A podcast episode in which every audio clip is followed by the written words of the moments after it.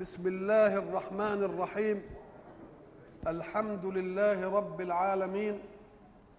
والصلاة والسلام على أشرف المرسلين وخاتم النبيين ورحمة الله للعالمين سيدنا محمد وعلى آله وصحبه أجمعين.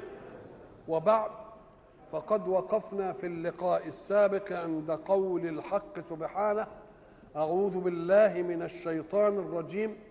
وأمر قومك أن يأخذوا بأحسنها.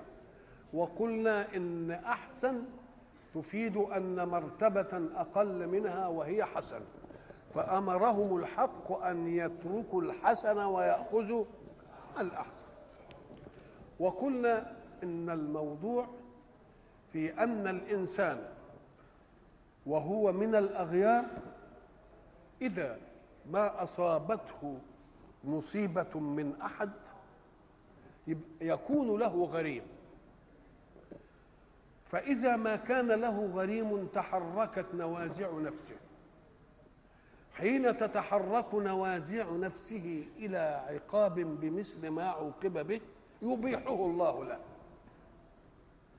ولكن يطلب منه إن قدر على نفسه أن يعفو. يبقى العقوبة ما دامت مشروعة من الله بمثل ما عوقبت تبقى حسنة حسنة لكن إذا تركت نوازع نفسك وعفوت يبقى ده مرتبة إيه؟ يبقى مرتبة أحسن وقلنا دي جاية علشان ليه كده؟ أم قال لك لأن الحق سبحانه وتعالى خلق في الإنسان عواطف وغرائز للعواطف مهمة في حركة الحياة وللغرائز مهمة في حركة الحياة ولكن العواطف لا يمكن أن أن يسيطر عليها ولذلك لا يقنن للعاطفة. ولكن الغرائز يقنن لها. كيف؟ قال لك حب الطعام. غريزة؟ نعم غريزة. ولكن يجب أن لا يصل منك إلى مرتبة النهم والشرف. بقاء النوع أو المتعة الجنسية عشان بقاء النوع لكن ما ما يكونش عندك إلى مرتبة الشرود في أعراض الناس. حب الاستطلاع غريزة وتنفع المجتمع لأن الذين اكتشفوا نشأ من حب استطلاعهم على أسرار الوجود. لكن ما يصلش إلى التجسس الاستذلالي. الله اذا ففيه غرائز يعليها الشر. الغرائز لما يجي يعليها الشر يقول لك مثلا زي كلمة الحب اللي إحنا كنا بنقولها دي. يقول لك أنت حب من شئت وابغض من شئت لأن دي مسألة عاطفية. ولكن من أبغضته لا تظلمه ومن أحببته لا تظلم الناس له. وجبنا حتة سيدنا عمر لا يؤمن أحدكم حتى أكون أحب إليه؟ قال له لا دي بلاش دي يعني من الولد من المال كررها رسول الله. فلما كررها رسول الله علم عمر رضي الله عنه بفطرته أن ذلك أمر تكليفي والتكليف لا يتأتى في العواطف. فعلم أن الحب المراد هو الحب العقلي. الواحد يقعد بينه وبين نفسه يقول ما من أنا لولا رسول الله صلى الله عليه وسلم؟ إيه يعني فأنا أحب رسول الله حب عقلي. قد يتسامى إلى أن يصير حب إيه؟ يحب حب عاطفي. الإنسان منا كما قلنا سابقا يحب الدواء. أيحبه بعاطفته أم بعقله؟ بعقله ده هو مر ويزعل لما ما يلاقيش الدواء في الأجزخانة وينبسط من اللي يجيب له الدواء في الإيه؟ في الأجزخانة يبقى بيحبه بإيه؟ بيحبه بعقله يبقى إذا التكليف هنا الحب الإيه؟ الحب العقل سيدنا عمر لما مر قاتل أخيه زيد بن الخطاب قال له لو ازو نفسك عني كده أنا أصلي ما بحبكش فالراجل بكل جرأة إيمانية قال له أو عدم حبك لي يمنعني حقا من حقوقي؟ قال لا. قال إنما يبكي على الحب النساء. يعني حب ولا ما تحب؟ انت أنا ماله ما تحب ولا ما تحبش. نعم. فهنا بقى يأخذ بأحسنها مثلا حينما يقتل إنسان لولي الدم أن يقتص. لكن الحق يحنن قلب المقتول له على القاتل. وبعدين يقول فمن عفي له من أخيه شيء فاتباع بالمعروف. بقى في معركة والصراع العواطف في إن واحد اعتدى على دم وخده. يوم يجي فمن عفي له يسميه من أخيه. فمن عفي له من أخيه شيء. إيه؟ آه. يجي مثلا يقول ولمن صبر وغفر إن ذلك لمن عزم الأمور. إن ذلك لمن إيه؟ ولذلك اكدها إن ذلك لمن عزم الأمور. لأنه قال صبر وغفر. ما دام صبر وغفر يبقى في غريم له ولا لأ؟ لكن مثلا افرض إن مصيبة نزلت على الإنسان بدون غريم مرض. طب غريمك مين في المرض بقى؟ هتزعل من مين؟ هتيجي على مين؟ هتنفعل على مين؟ ولذلك يقول إيه؟ اصبر على ما أصابك أي مما لا غريم لك فيه إن ذلك من عزم الأمور. ما أكدهاش بمين؟ بالله. إنما ديك هاكدها بإيه؟ لأن ليا غريم يهيج لي ساعة ما أشوفه. إنما في الثانية ماليش إيه؟ ماليش غريم. فالحق بيقول إيه؟ مر ياخذوا بأحسنها. يعني إذا وجدت له ذريعة حكم في شيء وفي أحسن منه يأخذه بالأحسن. ليه؟ قال لك لأن الإنسان إذا روض نفسه على الأحسن يبقى فهم عن الله. ليه؟ أم قال لك لأن واحد أساء لك. ممكن أن تسيء إيه؟ إليه. بس لاحظ أنها تكون بقدر. فعاقبه بإيه؟ طب ومن الدقيق في الموازين حتى يستطيع أن يعرف المثلية بالضبط؟ واحد ضرب لي قلم. طب وأنا أقدر بقى أحدد حكاية ضربة القلم دي إزاي؟ ممكن أحددها إزاي؟ ما يمكنش لأن دي متناسب مع القوة ومع الدفع ومع المش عارف إيه ومع مسألة ما. يوم يقول لك طب وأنا ليه هدخل في الإيه؟ في الإشكال ده؟ ما نعفو وخلاص ون إيه؟ وننتهي. الحق سبحانه وتعالى يريد بذلك أن ينهي تراث القلوب. لأن لما يجي واحد يقتل لواحد ويبقى فيه قصاص ودم ومش عارف وده يتمسك بأنه إيه؟ يقتله ومش عارف إيه. تفضل الترى موجودة ولا لأ؟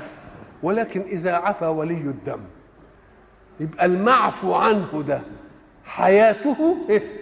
هبة. من ولي الدم. لما تبقى حياته هبة من ولي الدم يبقى يستعي أن يجعل حركة من حركات هذه الحياة ضد ولي الدم أو من يقرب من ولي الدم. يبقى انهينا ولا ما انهناش ولذلك البلاد اللي يحصل فيها التارات وعرامة الأخذ بالتار دي في البلاد زي الصعيد مثلا يقول لك إذا جاء القاتل وخد كفن وقال على ايده ودخل على ولي الدم وقال له أنا جيت لك اهو بكفن ومش عارف بيعمل إيه. خلاص بيعفو عنه. والاسره كلها تفهم ان دي بقى من بقى هبه حياه وهذا هبه من من؟ هبه من هذا. تصفي الثرات ولا ما تصفيش؟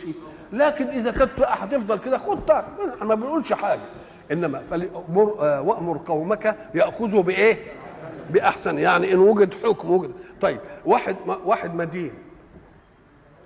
ولهش قادر أن يوفي الدين يقوم التشريع يقول لك إيه؟ فنظرة إيه؟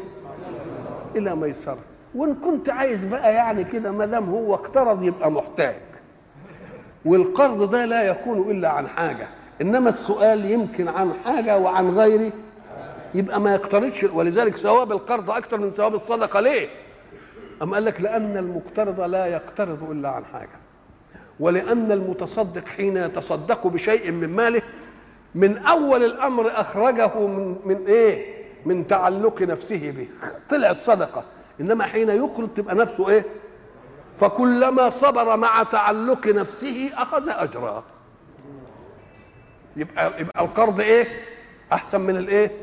فبقول لك ما دام اقترض يبقى محتاج وما دام انت أقرضته تبقى عندك وواجد يبقى إيه أنظره لحد إيه؟ فنظرته إلى طب وإن كنت تعفو وتسيب الحكاية يبقى من أحسن. يبقى في حسن وفي إيه؟ الأحسن أن تأخذ حقك المشروع. والثاني أن تتنازل.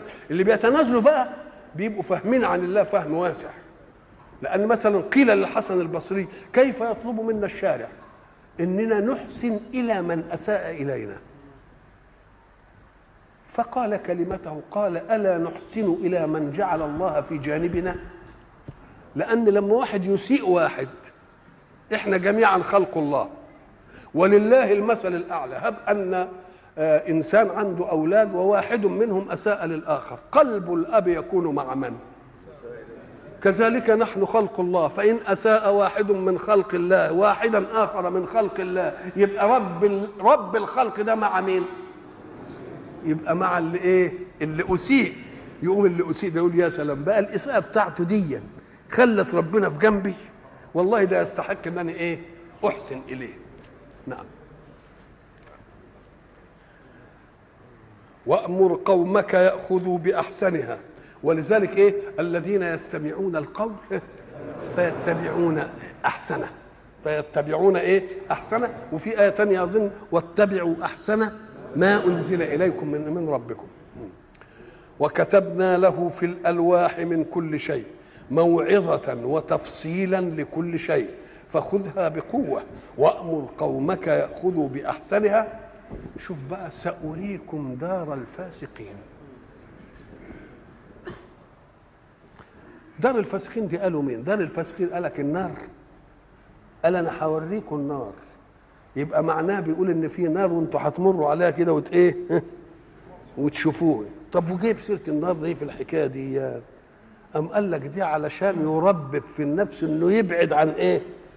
عن كل أمر يقربه إيه؟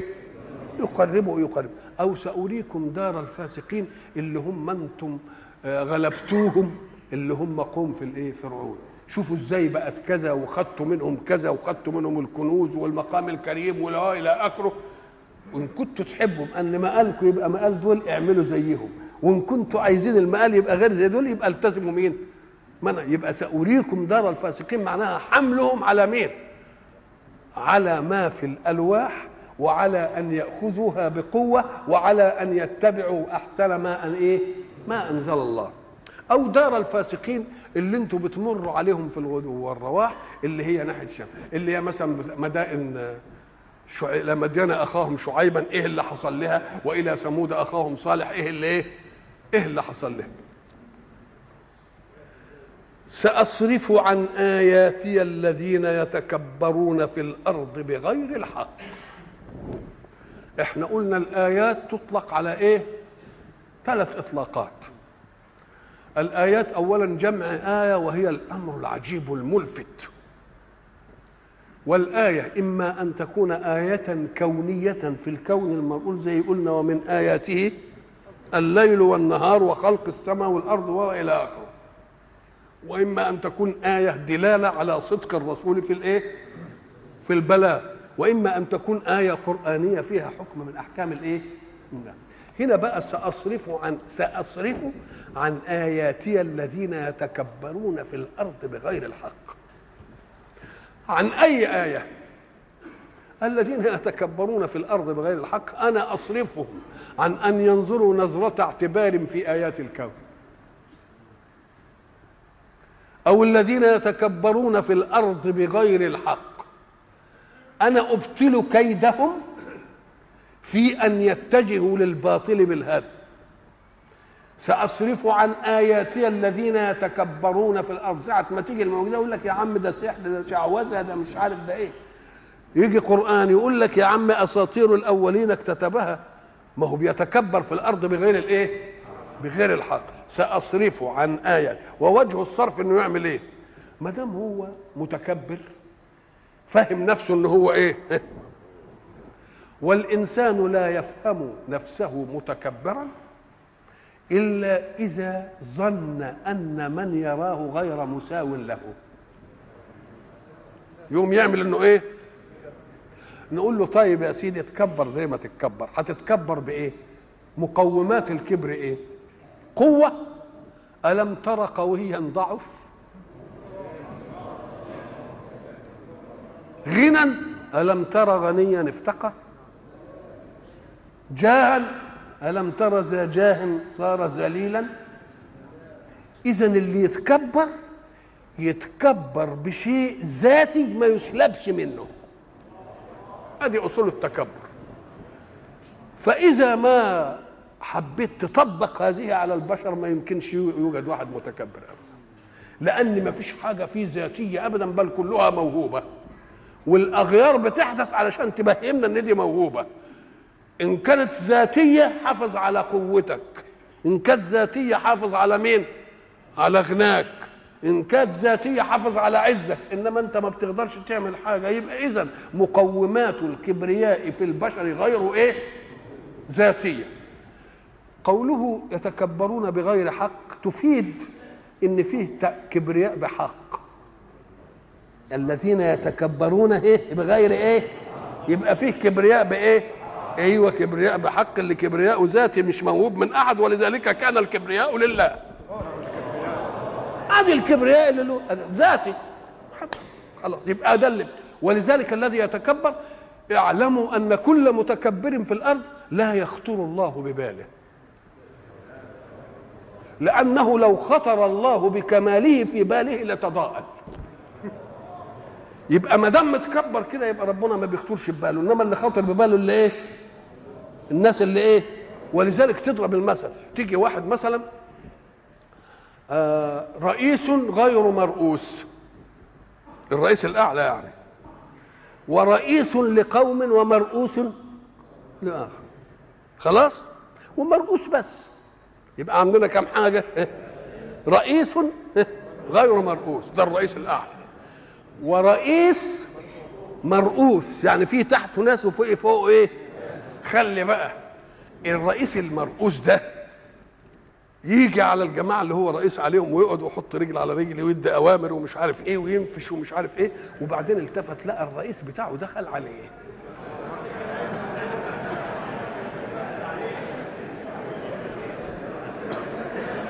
ولذلك المرؤوسين يمكن يختلس السخرية والضحك. الله اذا هو ما دام مش الرئيس بتاعه موجود ينفش على مين؟ على اللي فكذلك الناس إن لم يستحضروا الله في بالهم يعملوا على بعض أيمة إنما إن استحضروا الله بكبريائه يقول لا ما حدش يتكبر ابدا. سأصرف عن آياتي أصرف عنه ما اعمل إيه يعني. هم مش منصرفين عن آياتي آياتي الكونية فلا يعتبرون. آياتي الدليل على النبوة فلا يصدقون بسببها. آيات القرآنية فلا ينفذون أحكامها. مش ده مرادهم؟ طب أنا حديهم مرادهم. أعمل إيه؟ أطبع على قلوبهم. اللي جوة من الكفر ما يخرجش واللي خارج من الإيمان ما يدخلش. مش هم عايزين كده؟ طب أنا حدي لهم الحكاية دي. أو أصرفها فلا يستطيعون التغلب عليها. ودي مع وجود حركتهم في الحياة.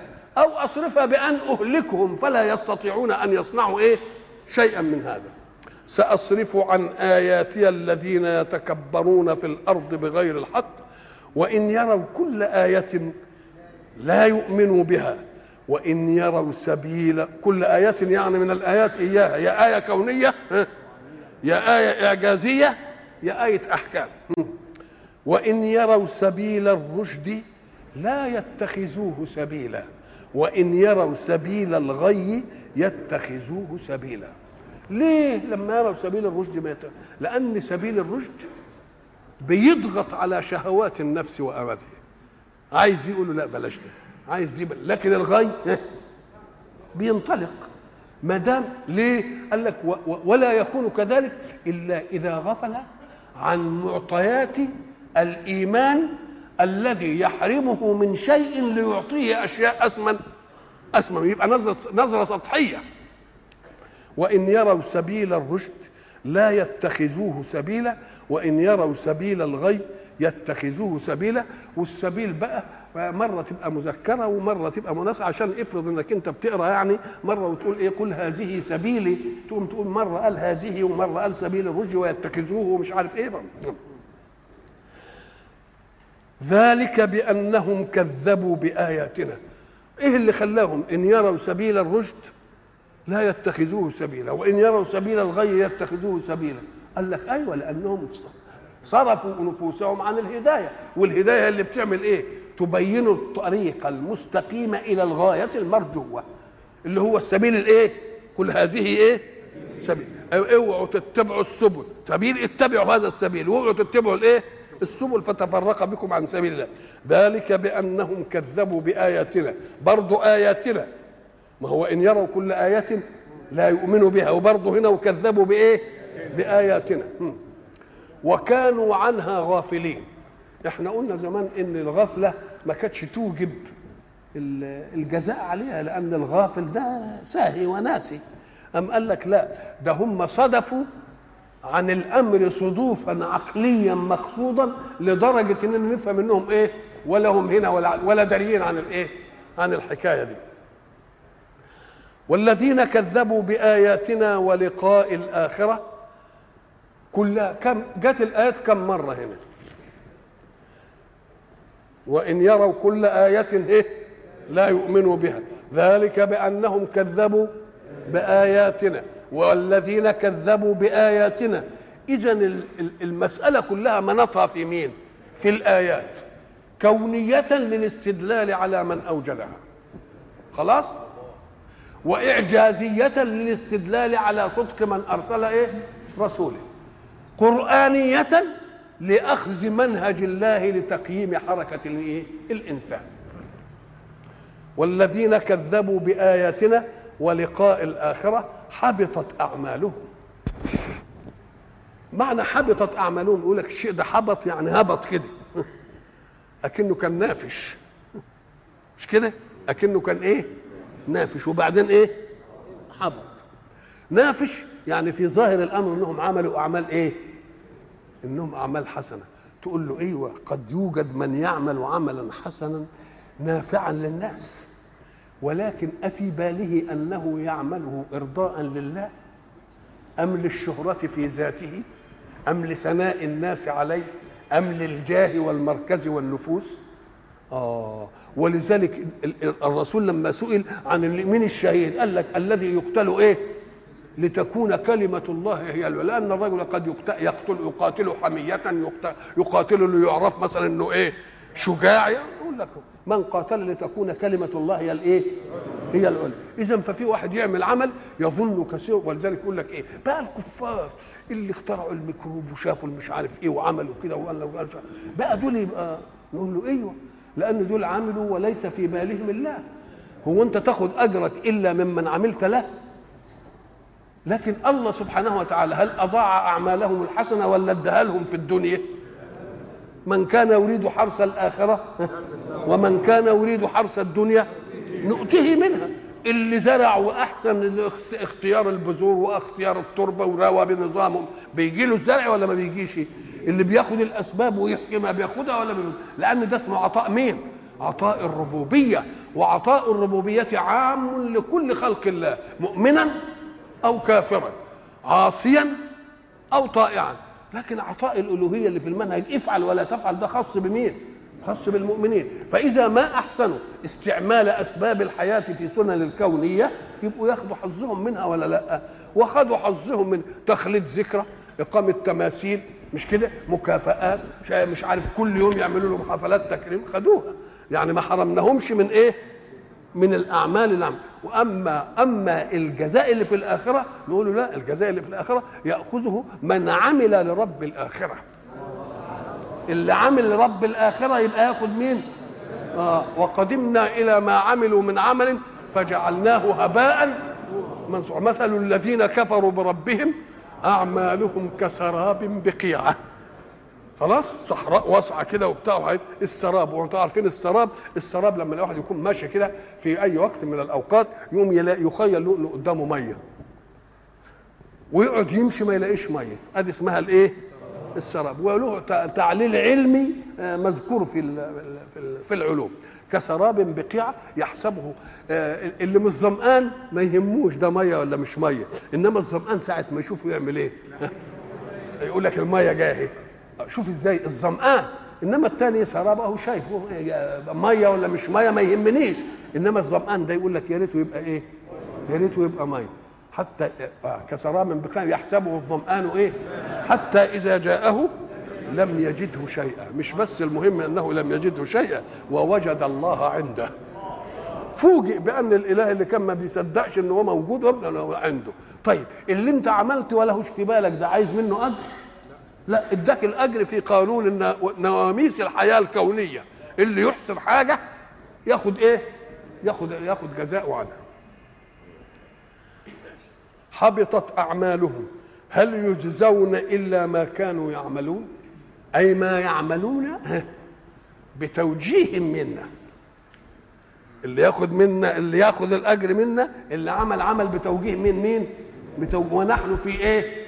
ونحن في بال ولذلك قل هل أنبئكم بالأخسرين أعمالا الذين ضل سعيهم في الحياة الدنيا وهم يحسبون أنهم يحسنون صنعا.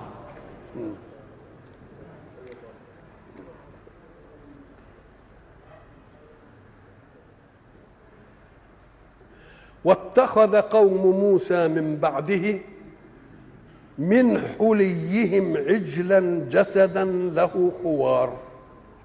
من بعده أي من بعد ذهابه لميقات مين؟ لما قال لهارون اخلفني في قوم. واتخذ قوم موسى من بعده من حليهم عجلا جسدا له خوار. الحلي طبعا إحنا عارفين ان هو ما يتزين به. الذهب والجواهر والأشياء دي. لكن في أشياء الذهب سيدها دايما. لأن الذهب ده اللي تقدر تشكل فيه زي ما أنت إيه؟ ما أنت عايز. وإذا انكسر جبره سهل. وكسره بطيء. ولذلك يقول لك الذهب ده كالإنسان الطيب. إنسان الكسر بتاعه بطيء ولكن انجباره سهل. فلما تسمع كلمة زينة صحيح يدخل فيها الماس ويدخل فيها الزمرد والياقوت والمش الكلام ده يدخل فيه إنما الذهب إيه؟ ولذلك تجد إن العالم مهما ارتقى لم يصنع رصيد أمواله إلا بالإيه؟ إلا بالذهب هو الذهب الإيه؟ يجيب بالياقوت يجيب بالجواهر يجيب بالماس لا ما يمكنش يبقى هي الحلي. إذا أطلقت يبقى المراد بها بالايه الذهب وهي دي اللي خدها موسى السامري وسيحها وعمل منها تمثال الإيه؟ تمثال العجل. لأن الماس والعمليات دي ما يمكنش إيه؟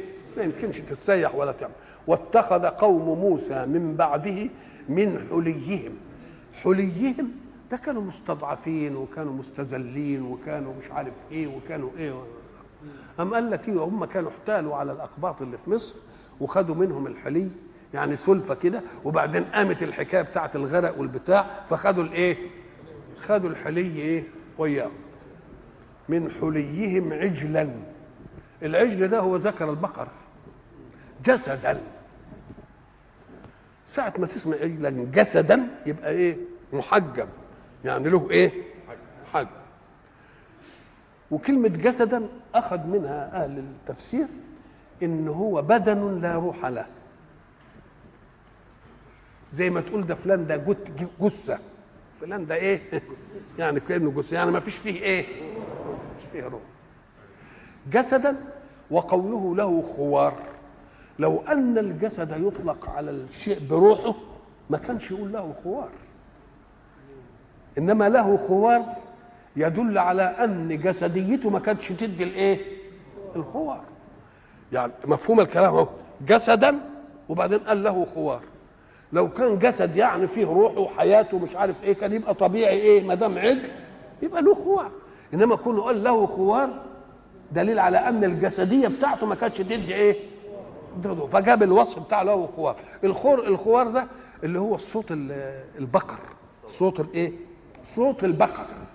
طب وده زي قال لك لأنه لما لما عمل الحلي وسيحها العمل من الحلي يعني بده يتميز عن الآلهة اللي من الأحجار وال يعني إله بقى يعملوا إله نفيس. فعملوا من الإيه؟ قال وعملوا من الحلي المسروقة. آه عملوا من الحلي الإيه؟ المسروق. يعني عشان يبقى حرام كم مرة؟ ما هم بيقولوا الواحد قال له انت واحد فاسق بتشتهي إيه؟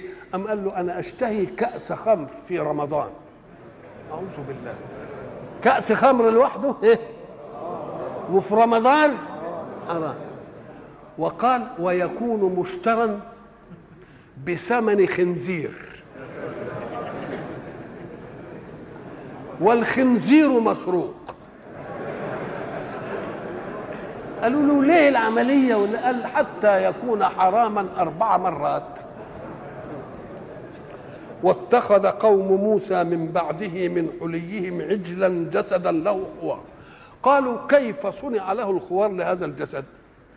قال لك إن اللي عمله عملوا بطريقة بحيث إذا استقبل من دبره هبة الهواء تعمل في جوفه شبه صوت الايه؟ البقر حين يخرج من إيه؟ ودي عملية بنشوفها في الناي الناي الغابة المخروقة دي مش الراجل المصوت بيقدر يدي لها من النفس ويعمل صباعه كده ويعمل يدي لها الصوت اللي هو إيه؟ اللي هو عايزه. فهو لما صنع العجل عمل فيه إيه؟ عمل فيه الحيلة دي. الحيلة إنه عمل جهة من دبره تستقبل الهواء والجهة الثانية تنفذ منها الهواء وعمل له تركيبات بحيث إذا مر الهواء يقوم يحدث الإيه؟ الصوت اللي عجلا جسدا له إيه؟ خوار. وقصة بقى العجل جاية بقى في صورة مين؟ في صورة طه. جاء بقى بوضوح والسامري والموضوع ده. فإحنا مش عايزين نتعرض لها الآن دلوقتي لحد ما نتعرض لها إيه؟ في وقتها.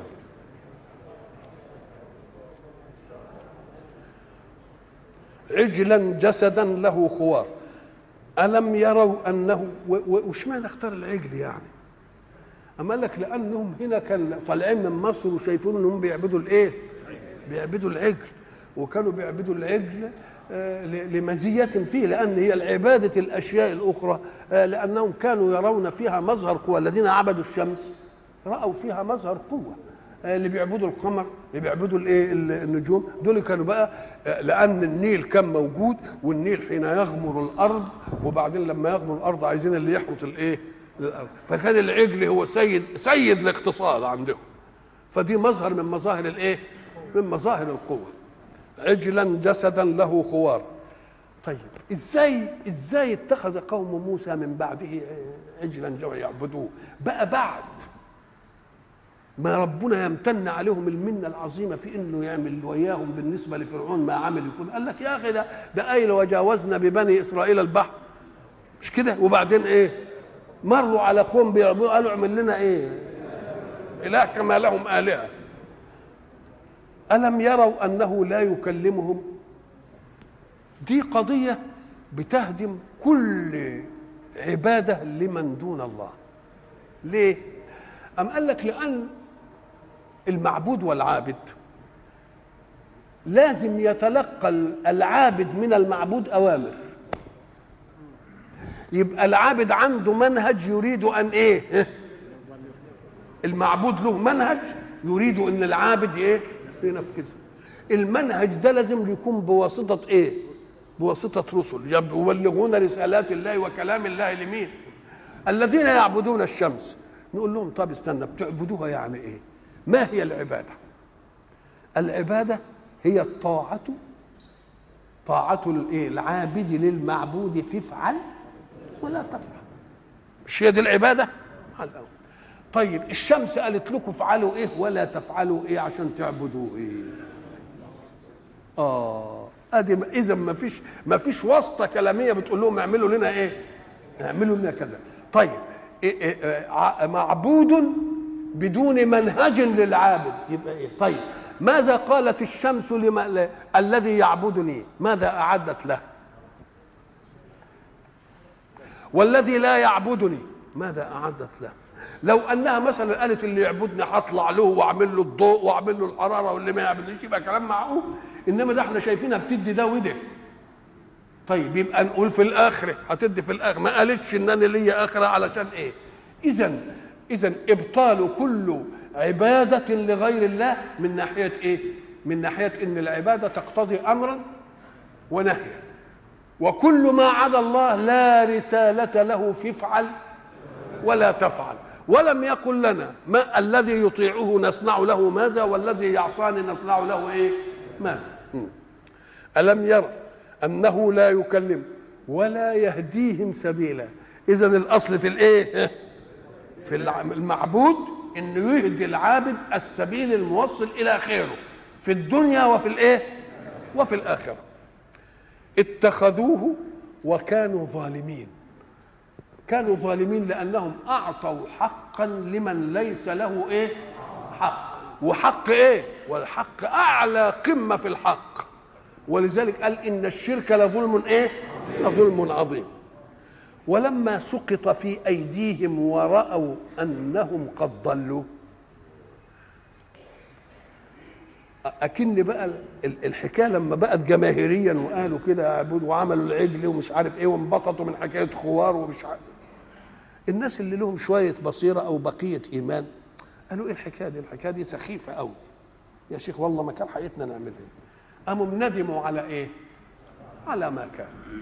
يقال ندم ويقال إيه سقط في يده.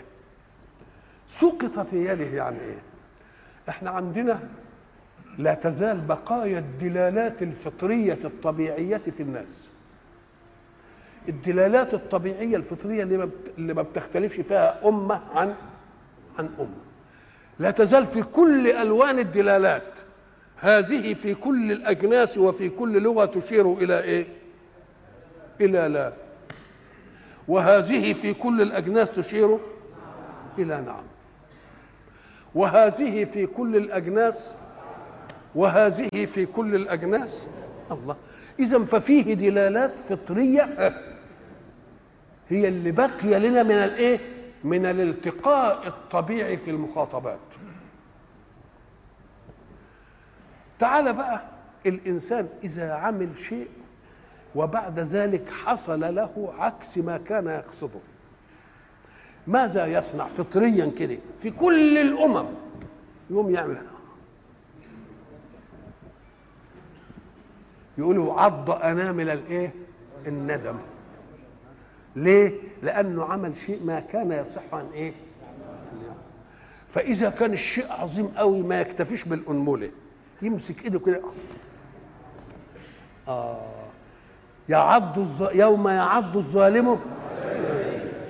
أهي سقط في أيديهم. جت انيابهم على مين؟ على أيديهم. يعني كأن الندم بلغ إيه؟ بلغ إيه؟ أشد. ولما سقط في أيديهم ورأوا أنهم قد ضلوا قالوا لئن لم يرحمنا ربنا ويغفر لنا لنكونن صدقوا في هذه. ولما رجع موسى إلى قومه غضبان أسفا. بقى رجع حالة كونه غضبان واسف ده يدل على أنه جاله خبر على الحكاية ولا مش حكاية؟ آه. طب إيه الغضب وإيه الأسف؟ الأسف عملية نفسية حزن. العملية النفسية دي سموها عملية المواجيد النفسية. يعني الشيء اللي يجد الإنسان في إيه؟ في نفسه.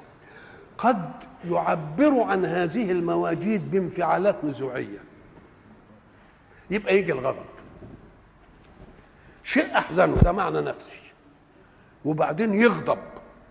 ولذلك تجد فيه فرق بين اللي يحزن ويكبت في نفسه كده واللي إيه؟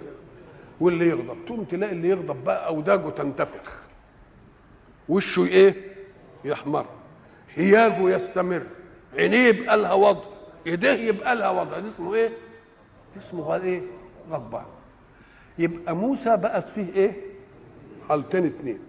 قدم الغضب. قدم مين؟ ليه؟ لأنه رسوله منهجه اللي جايبه إيه؟ يبقى ده ما يكفيش فيه الحزن ده. ده لازم يكون فيه الايه الغضب اللي, اللي هو هياج الجوارح. إحنا كل زمان قلنا إن كل تصور شعوري له ثلاث ثلاث مراحل. المرحلة الأولى مرحلة إدراكية. بعدين مرحلة وجدانية في النفس. وبعدين مرحلة نزوعية بالحركة. وضربنا المثل لذلك بالوردة. واحد يشوف وردة. كونه شافها هذا إدراك.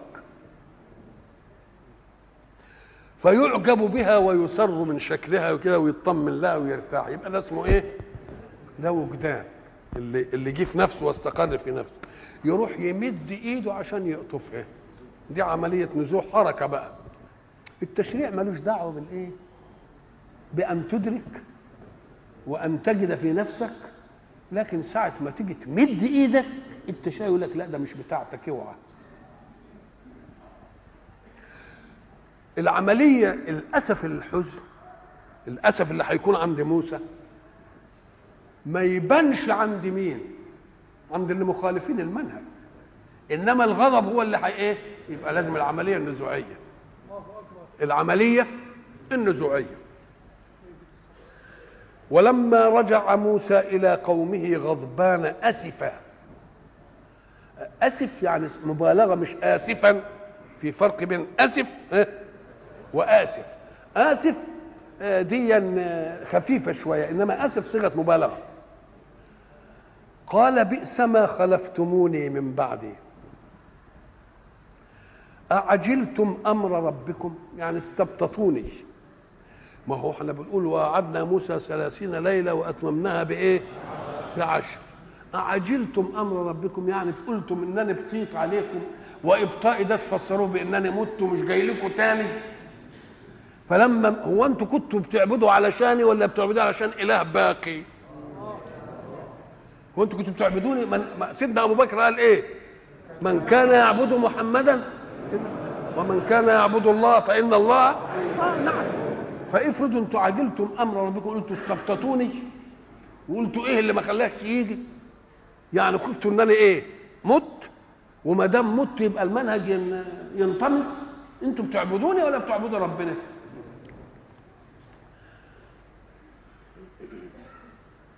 أعجلتم أمر ربكم؟ وألقى الألواح الألواح اللي فيها الإيه؟ وكتبنا له في الألواح الإيه؟ من كل شيء. والشطر على مين بقى على أخوه.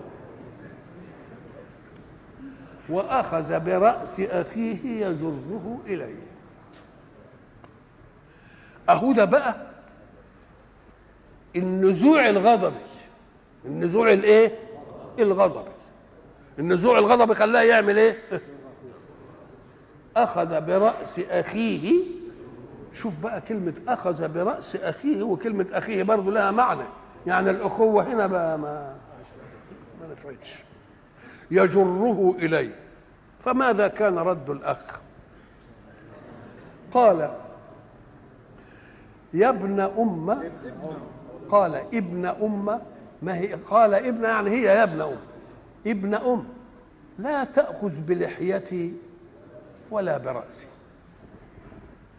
طب ابن أم يعني إيه ابن أم؟ ما جابش ابن أب يعني. أم قال لك لأن أبو موسى وهارون طوي اسمه في تاريخ النبوات. ما بانش لنا عنه حاجة. والعلم اللي بان هو مين؟ واللي لقي مشقات هو مين؟ فجاب له القدر المشترك اللي هو إيه؟ بارز في حياته. ولأن الأمومة مستقر الأرحام. لذلك لما تجد إخوات من الأم وإخوات من الأب بس وإخوات من الأب والأم. إخوات من الأب والأم دول يا ماشي. لما تيجي ترتبهم الإخوات من الأم يبقى فيهم إيه؟ حنان. إخوات من الأب يبقى دول فيهم إيه؟ فيهم فجاب له القدر الايه؟ القدر المشترك بينهم اللي له في تاريخهم إيه؟ اللي له في تاريخهم وجود. يعني يعني وجودهم مستحضر. أما الأب فانتوا عارفين حاجة عن عن عمران؟ ما نعرفش حاجة عن عمران. إنما أم موسى نعرفها ولا لأ؟ أوحينا إلى أم موسى إذا أوحينا إلى أم موسى وقالت لأخ... وقالت لأخته قدسه وحرمنا عليهم كلها متعلقة بمين؟ فبيقول له بالأسلوب اللي إيه؟ اللي يحننه. يا ابن أم ابن أم إن القوم استضعفوني. وكادوا يقتلونني. طب ما دام كادوا يقتلونني يبقى دليل على أنني وقفت منهم موقف المعارض والمعاند. يبقى أنا أديت ولا ما أديتش؟ يبقى أديت. إن القوم استضعفوني وكادوا يقتلونني. فلا تشمت بي الأعداء. الشماتة هي إيه؟ هي إظهار الفرح بمصيبة تقع لخصم. ادي الشماتة. طب فلا تشمت بي الأعداء. من هم الأعداء؟ اللي هم القوم اللي اتخذوا العجل. وصفهم بالأعداء وقال له ما تخليهمش يشمتوا فيا دليل على أنه وقف منهم موقف العداوة وإن الموقف ده هيفرحهم. وإلى لقاء آخر إن شاء الله.